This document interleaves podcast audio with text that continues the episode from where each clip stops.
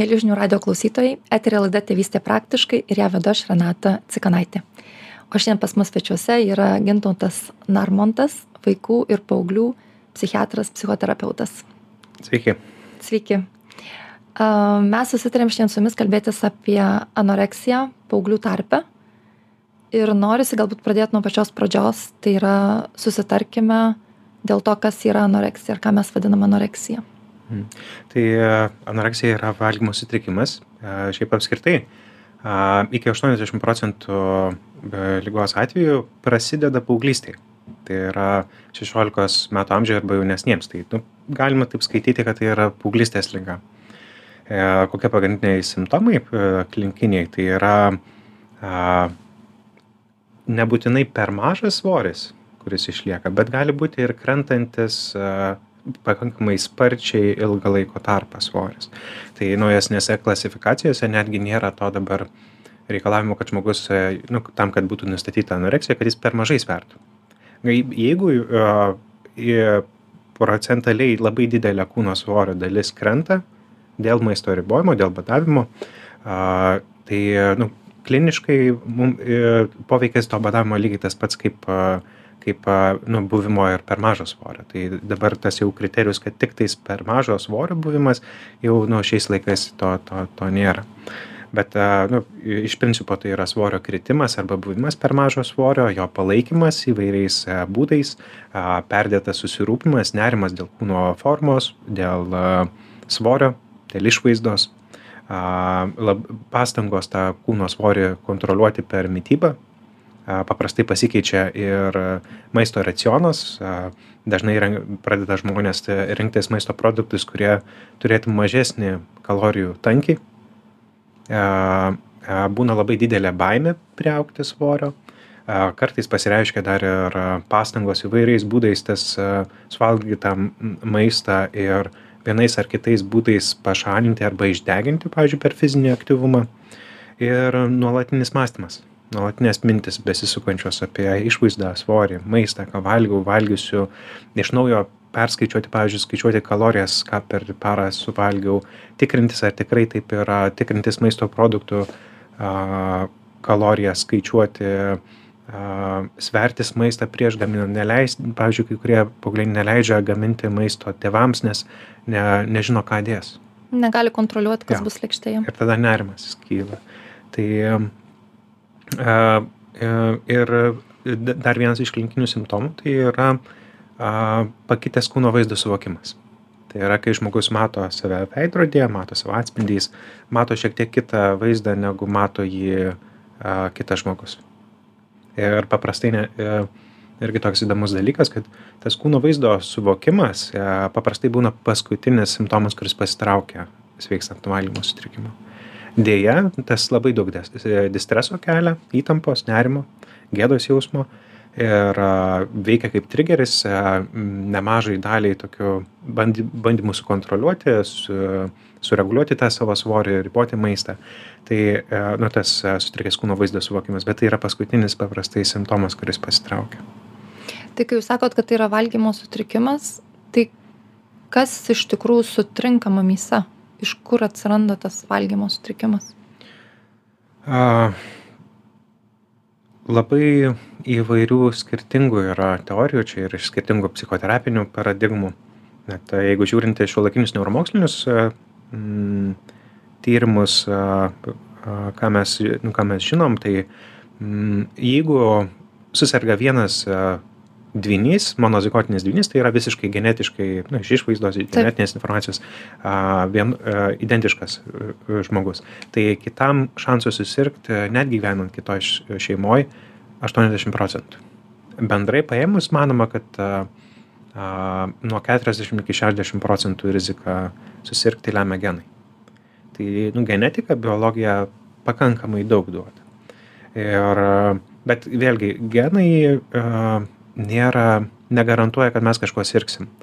Jie, didžioji dalis genų mūsų organizme yra nu, metilinti, tai yra, jie aktyviai baltymų nekoduoja.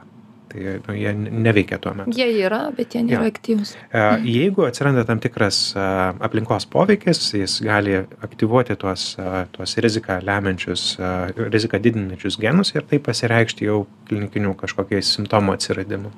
Tai genetika labai didelę dalį vis dėlto sudaro. Daug paauglių, ypatingai mergaičių, laikosi dietų. Daugiau negu 80 procentų me- merginų per paauglystę pabando dietas. Bet ne visos valgymo sutrikimai susirga. Šiaip valgymo sutrikimų paplitimas yra kažkur 8 procentai populacijos. Šiaip daug kas nustemba, nes pakankamai didelis skaičius, bet iš tikrųjų yra nemažas skaičius.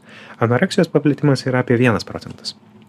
Kai kur randa mažiau, bet, pavyzdžiui, Skandinavijoje tokie platesni tyrimai, kurie nu, yra anonimiški visuomenė, tiesiog apklausė, tai gyvenimo eigoje paplitimas anoreksinė simptomatika, nu, taip, kad kažkada gyvenime atitiko tą, to sutrikimo klinikinius simptomus, 3,5 procentai netgi vat, randa. Tai mm, mes žinom, kad a, tik vienas trečdalis žmonių anoreksija sergančių kreipiasi į sveikatos sistemą. Tai didžioji dalis nu, nesikreipia. Tai genai, e, nu, grįžtant prie jūsų klausimo, Taip. kas, kas prisideda, tai genai labai daug duoda, bet e, ne, genai ne, automatiškai ne- nelemia, kad aš susirgsiu valgymo sutrikimu. Kas, a, ko dar reikia prie to genetinio, matyti, biologinio pažeidžiamumo, tai yra aplinkos faktorių. Tai apie genetiką, tai mokslas apie tai kalba. Ir na, nenustebinsiu matyti, kas tie aktyvuojantis faktoriai gali būti. Tai a, gali būti pašaipos dėl išvaizdos bendramžių tarpe. Paugliai ypatingai daug nerimo jaučia, jeigu pagalvoja, kad bus atstumti grupės, nu, kažkaip neigiamai vertinami, prastesni negu kiti. Ir nu, į tai labai stipriai orientuojasi, emociškai stipriai reaguoja.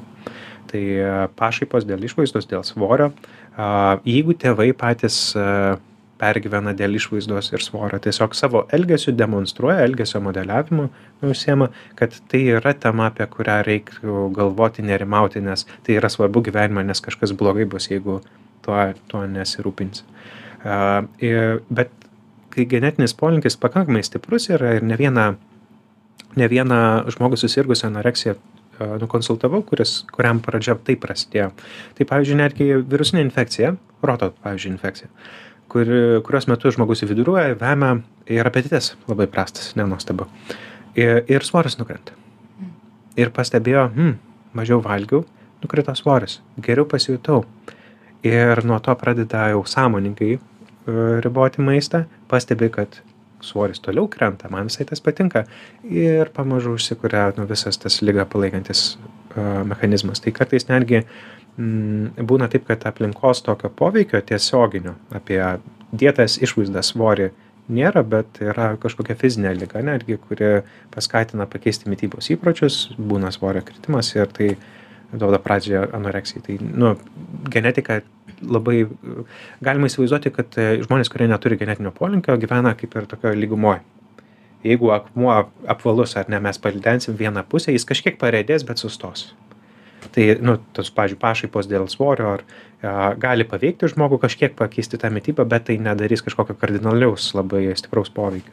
O žmonės, kurie nu, turi stiprų biologinį, stiprią biologinę predispoziciją valgymo sutrikimais gyvena, nu, galima įsivaizduoti ant kalno viršūnės tas akmuo yra. Ir jeigu pastumsi, gali būti, kad jau kaip ta nu, sniego gniužtė nuo kalno reidėdama vis didės ir didės ta problema. E, Bet jūs sakote, gali net, pavyzdžiui, tokia lyga kaip, lyga kaip rotavirusas būti va, tas pirmas kažkoks akstinas, kuris paskatina. Bet vadinasi, vis tiek aš jau gyvenu tam tikrą prasme visuomenėje, kurioje ta žinutė yra, kad gražus kūnas yra lieknas kūnas, nes jeigu aš staiga pradedu mažiau valgyti natūraliai, nes lygos metu nesivalgo, nėra apetito, prarandu svorio kažkiek tai dėl to ir staiga ateina toks, aha, bet va aš dabar jaučiuosi gerai, vadinasi, kažkur pasąmonė jau yra susijęta tas, kad aš jaučiuosi gerai ir atrodau gražiai, nes aš praradau kelis kilogramus. Tas lieso kūno kultas, tiesą pasakius, mūsų, nu, jeigu pažiūrėsim žmonijos istoriją, bendrai, tai lieso kūno kultas yra, yra mažuma laiko, mažesnė laiko tarp e, dalį yra. Nes jeigu pažiūrėtumėte į antikinės kultūras visas, Mhm. o kaip ten mo- moteris e, vaizduojamos? Visai kitaip. Kitaip, tai nu, tie grožio standartai. Su plačiais klubais, Taip, pilvuku, taip. mažom krūtim. Tai e, e, tie grožio standartai skirtingais istorijos e, momentais buvo skirtingi. Lieso kūno kultas, toks koks dabar yra vakarų daugiau visuomeniai, nu ir dabar jau, aišku, ir Azijos šalise dar, dar stipriau, aš netgi sakyčiau, yra negu vakarų kultūrai. Tai e, jis pakankamai neseniai atsiradęs. E, bet irgi nėra, nėra mm, nu, toks e, monolitinis visur vienodas. Nes yra ir iki šiol genčių ir kultūrų, kur moters grožis kažkiek priklauso nuo to, ar ji bus tampesnė neplonesnė. Mhm. Yra genčių, kur, kur kaip tik, pavyzdžiui, prieš e, vestų visokias ceremonijas e, vyrai stengiasi kuo daugiau svorio priaukti, kad būtų patrauklesni. Na, e, tai tie grožio standartai nėra universalūs, jie netgi šiomis dienomis tarp kultūrų skiriasi. O kas yra įdomu, kad netgi tose kultūrose, kur, pavyzdžiui, grožis yra suvokiamas kaip žmogus, kuris yra didesnis, yra gražesnis, tose kultūrose irgi paplitimas anoreksijos yra panašus kaip vakarų kultūrose. Netgi e, kultūrose ir, ir visuomenėse, kurios nėra paveiktos vakarų kultūros daugiau, įvairių realybės šou, žurnalų, med, socialinių medijų ir taip toliau, tarkim, Amazonijos džiunglės. Paplitimas valgymo e, paplitimas būtent anoreksija. Ne kitais valgymo sutrikimais, nes labai skiriasi tas, bet būtent anoreksija yra panašus. Tai manoma, kad vis dėlto genetika labai stipriai anoreksiją įtakoja. Kita situacija būtų, jeigu kalbėtume apie priepolinį valgymą ir nervinę bulimiją. Ten tai mes matom, kad socialinės medijos, dar, nu, tai vakarų lieso kūno kultūra daro labai stiprų poveikį, nes nuo 20 amžiaus pradžios susirgymo nu, dažnis šitomis dviejomis lygomis ženkliai didėja. Priepolinio valgymo ir, ir nervinės bulimės. O anoreksija išlik, išliko toks pats, Išskyrus dabar, va, kai karantinas prasidėjo, tiksliai vat nežinom kodėl, bet bent jau ką dabar pastebim, kad dvigubai padaugėjo hospitalizacijų paauglių tarpe dėl anoreksijos. Čia visam pasaulyje galima taip žiūrėti. Visą laiką daugmaž panašiai buvo, nebuvo taip, kad a, auktų a, su, nu, tas dažnis anoreksijos paauglių tarpe, bet kažkas įvyko per, per per pandemiją, kad arba sutrikimų dažnis padidėjo, arba tėvai pagaliau grįžo į namus ir pamatė, kas vyksta. tai vienas iš dviejų. Tai nu, gali būti, kada būdu šiek tiek vat, prisidėjo. Kad daugiau pastebėjimo buvo, nes mm. daugiau buvimo kartu yeah. ir tam tikri dalykai iškilo į dienos šviesą, Taip. kurie anksčiau nebuvo žinomi. Mm. Bet pasikartosiu, vis dėlto tas dažnis anoreksijos panašu, kad nesikeitė per daug nors ir ta vakarų kultūra, lieso kūno kultas nustiprėjo, ar ne, ir dar socialiniam medijom atsiradus, tai iš viso unikaliai, kabutėse, geros uh, sąlygos lygintis su fotoretušuotais dar įvairiais modeliais ir taip, taip. toliau. Bet dažnis, nu, nedidėjo, nes e, reikėtų ką dar labai apskirti, kad galima, galima būt, turėti nepastenkinimą kūnu, bet tai nebūtinai bus taip stipriai išreikšta, kad mano funkcionavimas visai sugriūna. Tai jeigu mes kalbam apie anoreksiją, mes nekalbam tik tais apie dietų laikymasi ar panerimavimą dėl, dėl išvaizdos apie svorio, ar svorio, bet, a, bet apie klinikinį, a, klinikinį, klinikinį sutrikimą, kuris sutrikdo labai stipriai funkcionavimą. Ir anksčiau a, anksčiau tai buvo pati mirtiniausia liga psichiatrijoj kas penktas žmogus mirdavo nuo anoreksijos susirgęs dabar tas e, irgi nu, išlieka viena iš didžiausią mirtingumą turinčių uh, psichikos sutrikimų. Aš norėjau klausti, jeigu tai yra didelė dalimi apibrėžiama genetikos ir kažkas tą geną išprovokuoja, kažkokia tam palankia aplinka, um, tai, tai labai liga, kuri tikrai turbūt labai sunkiai leistis gydoma. Todėl, kad čia neina kalba apie gebėjimą valgyti ar negebėjimą valgyti, bet kažkas iš vidaus, kas visiškai iškreipia vaizdą ir to, ką aš valgau, ir to, kaip aš atrodau. Ir tarsi nuolat gyvenu tokia kaip skizofrenijoje tarp to, kas tikrai yra ir tarp to, kaip aš tai matau ir kaip tai suvokiu ir kaip žiūrėdamas į veidrodį save matau. Anoreksija yra pati sunkiausia gydyti lyga, nuo, nuo jos sunkiausiai pasveikti, aš taip sakyčiau o koks tada Iš tam- psichikos sutrikimų, ta prasme. Taip. Koks tada mūsų tėvų vaidmuo tame, jeigu mes, jeigu mes namuose gyvename su vaiku, kuriam, kuriam pasireiškia šitą lygą, ką mes galime ir ko negalime, ką turėtume daryti, ko neturėtume daryti. Čia labai plati tema. Ir kadangi vidutinė trukmė, tai vidutinė, tai būna ir a, ilgesnė ir trumpesnė.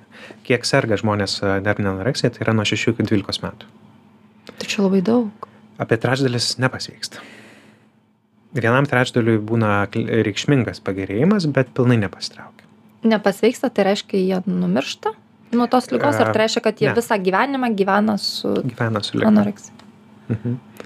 Ir vienas trečdalis tikrai pilna, pilnai pasveiksta. Bet kuo anksčiau pradedamas gydimas, tuo yra daugiau šansų pasveikti. Mhm. Tai jau, nu, jeigu kalbam apie paauglius, paaugliai dar neilgai serga. Jie labai daug šansų turi uh, Pasveikti. pasveikti. Taip. Tai darbas su jais nu, ypatingai prasmingas, jeigu kalbam apie valgymo sutrikimus. E, o kaip tėvai nu, prisidėti prie to gali, kadangi a, tas sveikimas ir nu, apskritai, va, taip nusistebėjot, kad tokia trukmė yra, tai vidutiniškai. Taip, tai reiškia galbūt daug ilgiau. gali būti ir ilgiau. Tai ir kalbam apie metus. Tai yra ilgas procesas. Tai ne sprintas, o maratonas. Ir, ir tėvams reikia išmokti labai daug įgūdžių. Emocijos, kaip emocijas reguliuoti savo, kaip or, orientuoti, pavyzdžiui, paauglį, savo sūnų ar dukrą nuo trumpalaikių kažkokių problemų. Aš bijau, kad vat, šiandien priauksiu svorio. Link ilgalaikių tikslų. Aš, aš man, ar pietus man svarbu, kad vat, šiandien pa, suvalgytum pietumus, kad kažkiek svorio priauktum, ar aš noriu, kad tu ateityje nesirgtum valgymus, kad ateityje laisvas jaustumėsi nerimo ir įtampos mažiau jaustum. Tai orientuoti į ilgalaikius tikslus, kaip a, a, pasirūpinti savimi, nes, a, nu, įsivaizduokit, jeigu a, kiekvieną dieną kyla daug kartų situacijos, kurios išprovokuoja stiprias emocijas, su jomis išbūti, neišveikti jas kažkaip nu, ne, disfunkciniškais būdais, a, išbūti su pykčiu, Nes, nu, jeigu jūs, nežinau, ar kada teko jums tą susidurti su tuo, bet a, priversti paauglį kažką daryti, ko jis nenori apskritai sunku. Bet jeigu mes jau kalbam apie anoreksiją, tai nu, dešimt kartų bent pasunkėja. Tai. Ir kaip tėvams su tuo tvarkytis, nu, kyla daugybė iššūkių. Tai tėvams a, praktiškai tenka per a, per nu, ilgesnį laiko tarpą, bet išmokti daug įgūdžių ir praktiškai tapti koterapeutais. Mhm. Jūs paminėjot pyktį, bet aš pagalvojau, kad um, labai pažįstama situacija, kurią ką tik aprašėte, ką tai reiškia tėvams pabandyti paauglį priversti, ko jis nenori daryti, nes mano sunus yra ant paauglystės lenkščio ir aišku, tie pirmi simptomai jau, jie jaučiasi. Tai man jausmas, kuris labai dažnai aplanko, tai visiška bejėgystė. Ir, ir kuri yra dar sunkiau ją išbūti negu pyktis man, nes bejėgystė yra kažkas, kas tikrai tave, nu, tiesiog valgo iš vidaus. Tu tiesiog nei pakartas, nei paleistas. Tu kaip ir vis tiek atsakingas už tą žmogų, nes tu vis tiek esi suaugęs. Ir tuo pačiu tu matai, kad iš tavęs atima bet kokius būdus pasiekti rezultato. Kad tau neduoda įrankių tas, vad, kitas žmogelis kažkaip prisidėti prie rezultato. Mhm. Ir tikrai tai, ką jūs paminėjot, kad svarbiausia tėvams pasirūpinti savimi, žinoti, vat, o kur aš gausiu pagalbos nes išbūti tuose momentuose ir jeigu sakot, kad su anoreksija tai yra dešimt kartų intensyviau ir stipriau ir daugiau tokių momentų, tai čia vien savaime gaunasi pilnos darbo dienos darbas, vien tik tai išbūti tuose momentuose, nekalbant apie visą kitą, kad šeimoje gali būti kitų vaikų, kad mes dar turime darbų šalia to, kad gaminame pietus, vakarienę ar panašiai. Tai kai, kai kuriems tevams nu, iš tikrųjų iššūkis yra, nes a, pietus, pavyzdžiui, tai yra pusryčius ir vakarienę nuvalgo šeima kartu ir dar jie kažkaip gali sveikais būdais, nu, sveikas tas ribas bandyti Taip. uh, užtikrinti, kad pavalgytų, ar ne. Bet uh, jeigu pats žmogus uh, nu, a, sveiksta tik tais dėl to, kad kiti reikalauja, pirmus tos žingsnius pradeda žengti. Ne dėl savęs, bet dėl to, kad a, kiti bando tas sveikas ribas išlaikyti. Tai jis pietų mokykloje nevalgys pats. Jokių užkandžių nevalgys. Prieš burelį a, kažkokiu užkandžiu taip pat nevalgys. Tai ką kurie tėvai daro per darbą, per pietų pertrauką, važiuoja į mokyklą, kad kartu su vaiku savo valgyti. Na ir kiekvieną dieną ruošia, gamina valgyti iš anksto, kad būtų.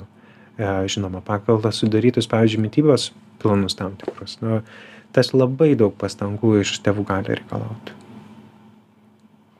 O kaip, man atrodo, sunkiausia visame tame ir tikriausiai visi klausimai susiveda į tai, kad ar galima uh, neištroškus jį pagirdyti, kitaip tariant, ar galima išorinę motivaciją ar pastangomis priversti kažką sveikti? Ir kaip vat tame išbūti? Ar galima prisidėti prie sveikimo? Taip. Bet ar galima a, tai padaryti tėvams kad jų pastangomis tiktais jie tiktai stengiasi o vaikas pasveiksta tai ne. Vis dėlto nu čia turėtų būti abipusio darbo.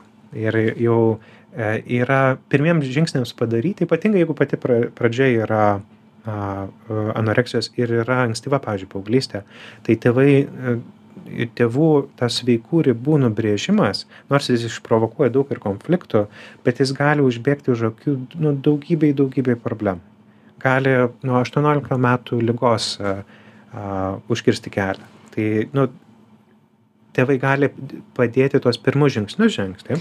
Ir kartais, nu, apie tai nežinau, ar spėsim aptarti ar ne, bet anoreksija turi daug ir lygo, lygą palaikančių mechanizmų, kurie yra pakankamai biologiški. Tai pavyzdžiui, jeigu aš riboju maistą, nepakankamai valgau, mano metabolizmas pasikeičia, jis sulėtėja. Tai yra mano kūnas bando taupyti energiją nes aš pakankamai negaunu, tai nu, į baterijos saugojimo režimą kaip ir tokį įeina.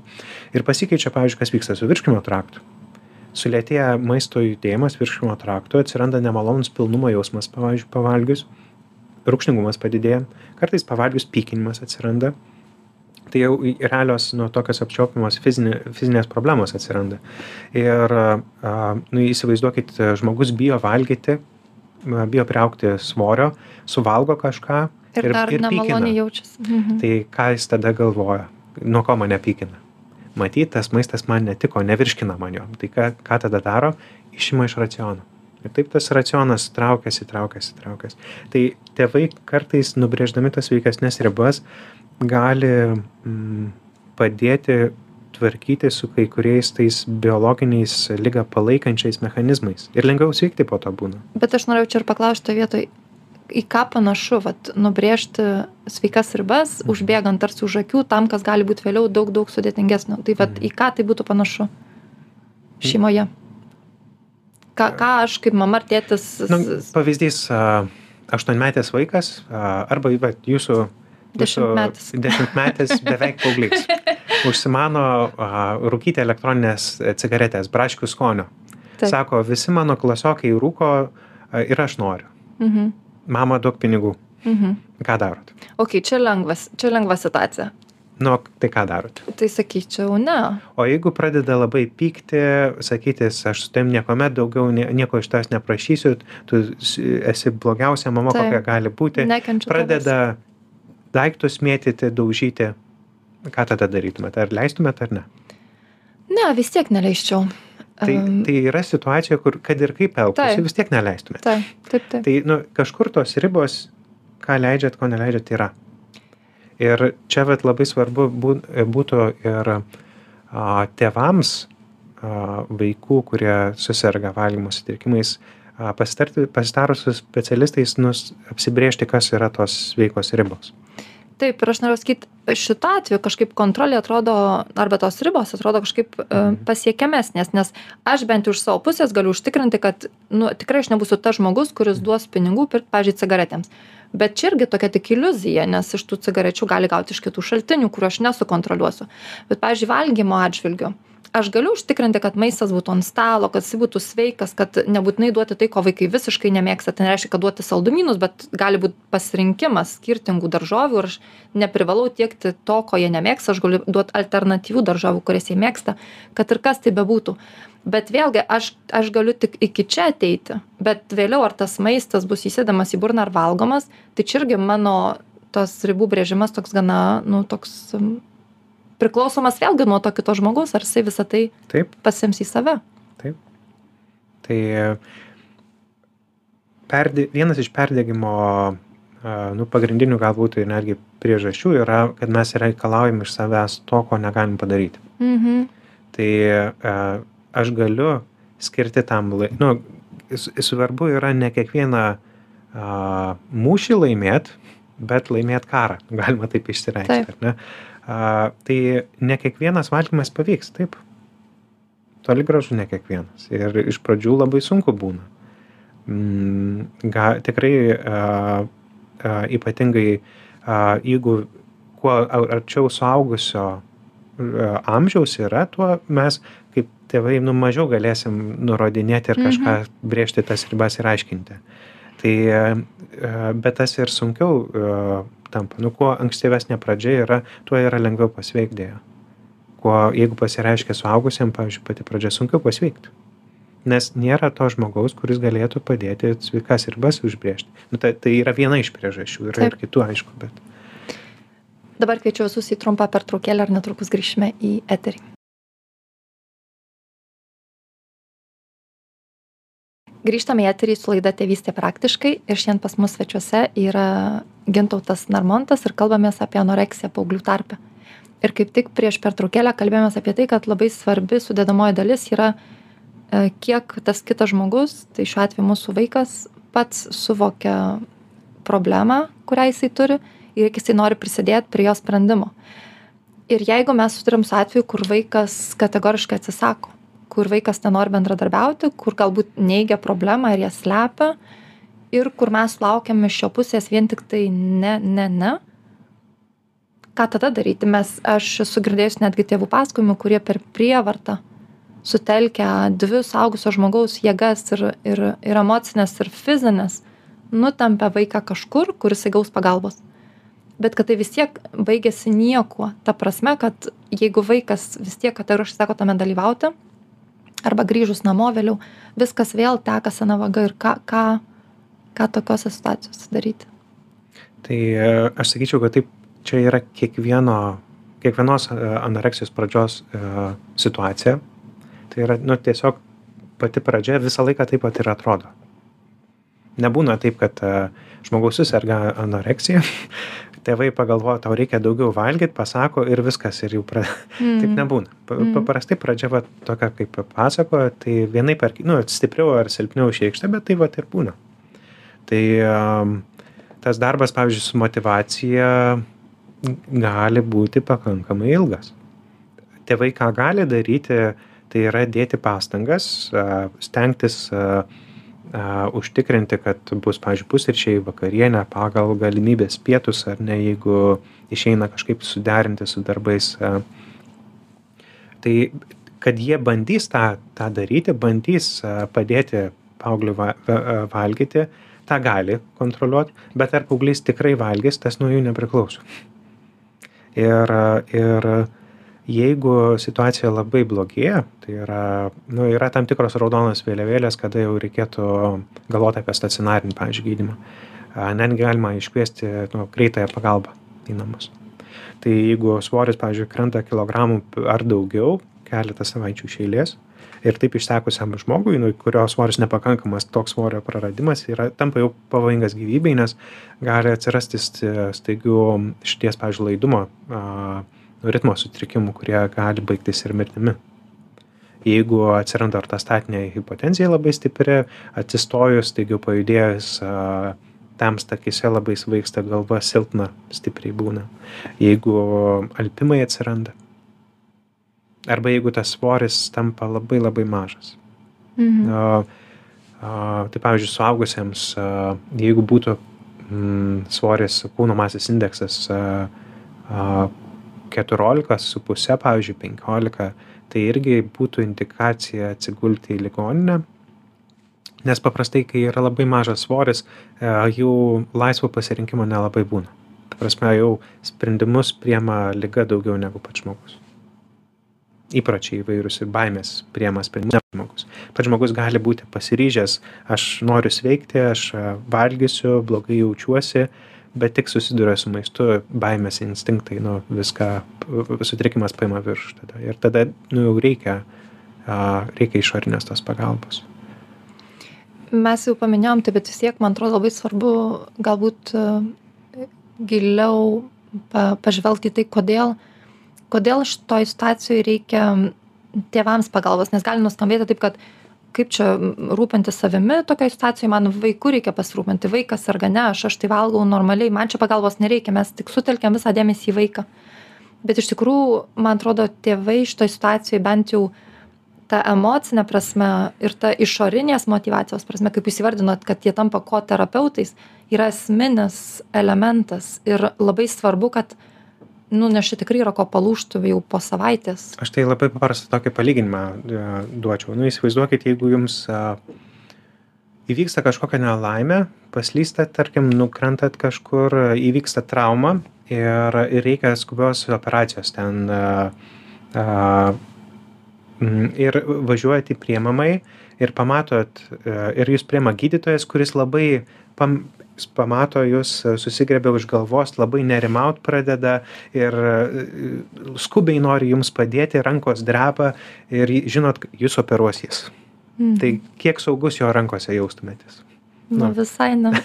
tai uh, kažkiek reikia išmokti savo padėti, kai yra sunku. Uh, emocijos reguliavimo įgūdžių tam tikrų išmokti, nes kitaip mes a, nelabai galėsim tinkamų būdų padėti savo artimiesiems. Į ką tai panašu, ar galite įvardinti vieną, pavyzdžiui, emocijų reguliavimo kažkokią tai praktiką. Mes dabar visi galbūt galvojame apie čia kokias nors labai gilias meditacijas, kuriams tam reikia labai didelių įgūdžių arba dar kažko, kažką va tokio uh, Bet paprastai, ką tai panašu? Yra įvairiausių būdų, kurie daugiau į ilgalaikį rezultatą orientuoti. Pavyzdžiui, tai yra praktikos kažkokias, ar ne, kurias aš atlieku ir tai man padeda eigoje. Tai ir fizinio krūvio, pavyzdžiui, turėjimas. Tai labai padeda su nerimu, įtampa. Fizinis aktyvumas? Jo. Tai sveiko darbo ir polsio režimo turėjimas, ar ne, kad aš ne, ne pervargčiau. O kai kurie, bet tėvai, nu tiek tas įtampos kelia mm, visoj šeimoj buvimas, kad jie mieliau darbe būtų ilgiau negu grįžtų į namus. Bet, Taip, ten bet, nu, lengviau. Bet kiek darbe reikia būti, kad pailsėtum? Ten irgi pavargsti, bet kitaip. Mhm. Tai vis tiek tas nu, nėra sveikas darbo polsio režimas. Meditacijos, kurias minėjot, tai irgi labai kliniškai įrodyta, kad padeda su nerimu, įtampa, depresinė savijauta tvarkytis, pastebėti ir kaip aš reaguoju ir stabtelėti ir pasirinkti, ką aš noriu daryti. Ne reakty, reaktyviai reaguoti, bet pasirinkti atsaką, kurį noriu naudoti. Tai ilgalaikės strategijos, bet yra daug ir trumpalaikių. Tai yra, jeigu vyksta konfliktas ir matau, kad man per daug, aš galiu atsitraukti kuriam laikui. Pasakyti, kad man dabar per sunku, aš, nusiram, aš išeisiu, pasivaikščiosiu penkias minutės, grįšiu ir mes dar kartą apie tai pakalbėsim. Yra įvairiausių kvepavimo technikų, kurias galima pritaikyti parasimpatinį neurosistemą, pavyzdžiui, aktyvuoti daugiau. Galima pasi, pasitelkti dėmesio valdymą, tai yra nukreipti į, į kitus pojūčius kūno, nuo įvairių, nuo tų emocijų ir minčių į kūno pojūčius skirtingus. Į regą, uoslę, kvapą, e, lytėjimą, temperatūros pojūčius, propriorecepciją. Tai netgi fizinis krūvis kartais padeda emocijom susitvarkyti. Bet, nu, čia jau rizika yra, jeigu mes mhm. demonstruosim, kad per fizinį krūvį nusiraminam, tai labai sunku būtų tikėtis iš paauglio, kuriam negalima sportuoti, pavyzdžiui, dėl svorio labai didelio netekimo ir per mažo svorio, kad, kad negalima sportuoti. Bet iš esmės, nu, fizinis krūvis irgi tinka, jeigu sveikai pakankamai maitiniesi. Tai čia, nu, tik tais pora, pora tų būdų. Galima mokytis ir uh, A, nu, vienas beje irgi iš perdegimo sindromo perge- perdegimo sindromo nu, sukeliančių veiksnių, pakankamai stiprių, tai yra, kad a, darbas reikala, a, reikalaujantis kompetencijų ir įgūdžių, kurių žmogus neturi. Tai yra iš manęs nori to ir to, bet aš nemoku ir negaliu to padaryti. Ir tada mes labai daug savo reikalavimų pradedam kelti, tai turiu dar ir tą, tą perskaityti, tą ir tą išmokti, tai ir tada pervargstam. Tai vien uh, mo, platesnis situacijos pamatymas, kad uh, ne kiekvieną mūšį aš dėl maisto laimėsiu. Man ir nėra būtinybės uh, kiekvieną tą mūšį dėl maisto laimėti. Svarbu, kad tinkama linkme per ilgesnį laiko tarpą mes judėtume, o ne kad kiek, būtent šiandien, būtent dabar pietus pavalgytų, pavyzdžiui. Tai vien tas orientavimas į ilgalaikius e, tikslus, nekaltinimas savęs dėl, dėl vienokio ar kitokio patiriamų, pavyzdžiui, nesėkmių, bet tuo pačiu ir atsakomybės prisėmimas. Nes te, neretai dėja, dėja nu, vienas iš provokuojančių faktorių valgymo sutrikimui šeimoje būna, pavyzdžiui, pačių tėvų dietų laikymas. Aš norėjau sakyti, kad galbūt tai puikiai proga taip pat pasižiūrėti į save toj situacijoje ir ne dėl to, kad kaltintum kažkaip ar galvotum, kad čia a, aš dėl kažko kaltas, kažko nepadariau, kažką padariau, bet pasižiūrėti į save ir, ir pažiūrėti, ar nerasim ir savyje tų atgarsių, kas vyksta mūsų vaikai. Ir iš tikrųjų, kaip jūs sakot, tikrai nereta moteris turi labai tokį iškreiptą e, nu, požiūrį apskritai į savo kūną, koks jis gražus ar negražus, ką tai reiškia gražus ar negražus. Labai retai savo gyvenimus tikrai esame visiškoj sinergijoje su savo kūnu, nuolat norim ten kažką keisti. Ir aišku, šalia augantis vaikas, juk jisai visą tai mato, jaučia, perima. Tai vad galbūt yra proga taip pat pasveikinti kažkaip savo pačios, savo pačių požiūrį į savo kūną, atrasti kažkokią pasitenkinimą, jo meilę jam, dėkingumą jam už daug, daug dalykų, kuriuos jisai mums vis tiek kiekvieną dieną duoda. Taip. Taip. Na, kiek, kiekviena krizė gali būti ir galimybė aukti. Tai a, neretai a, mes a, apskritai esam linkę, jeigu savo kartoj problemų kažkokiu neišsprendžiam, tai perleisti sekančiai kartai jos. Tai pavyzdžiui, per e, nu, tas perdėtas kritiškumas, a, orientavimasis ne į pastangas, o į rezultatus, a, slopinimas emocijų, pavyzdžiui, kad emocijas rodyti nelabai primtina Mhm. kažkaip gėdinga. Tai jeigu savo kartoj neįsprendžiam to, perleidžiam savo vaikams paprastai. Tai irgi jeigu nu, taip atsitiko, kad mano paaugliui yra valgymo sutrikimas, o aš a, pats ar pati esu nepatenkinta savo kūnu, tai yra puikia proga, nu, kaip labai gražiai ir sakėt, a, su savi, savo kūnu santykiai irgi ir pačiu savimi beje Taip. gerinti. Nes a, nu taip jau yra, kad a, svarbiausia santykiai, ko, kokį mes turim gyvenime, tai yra su pačiu savim.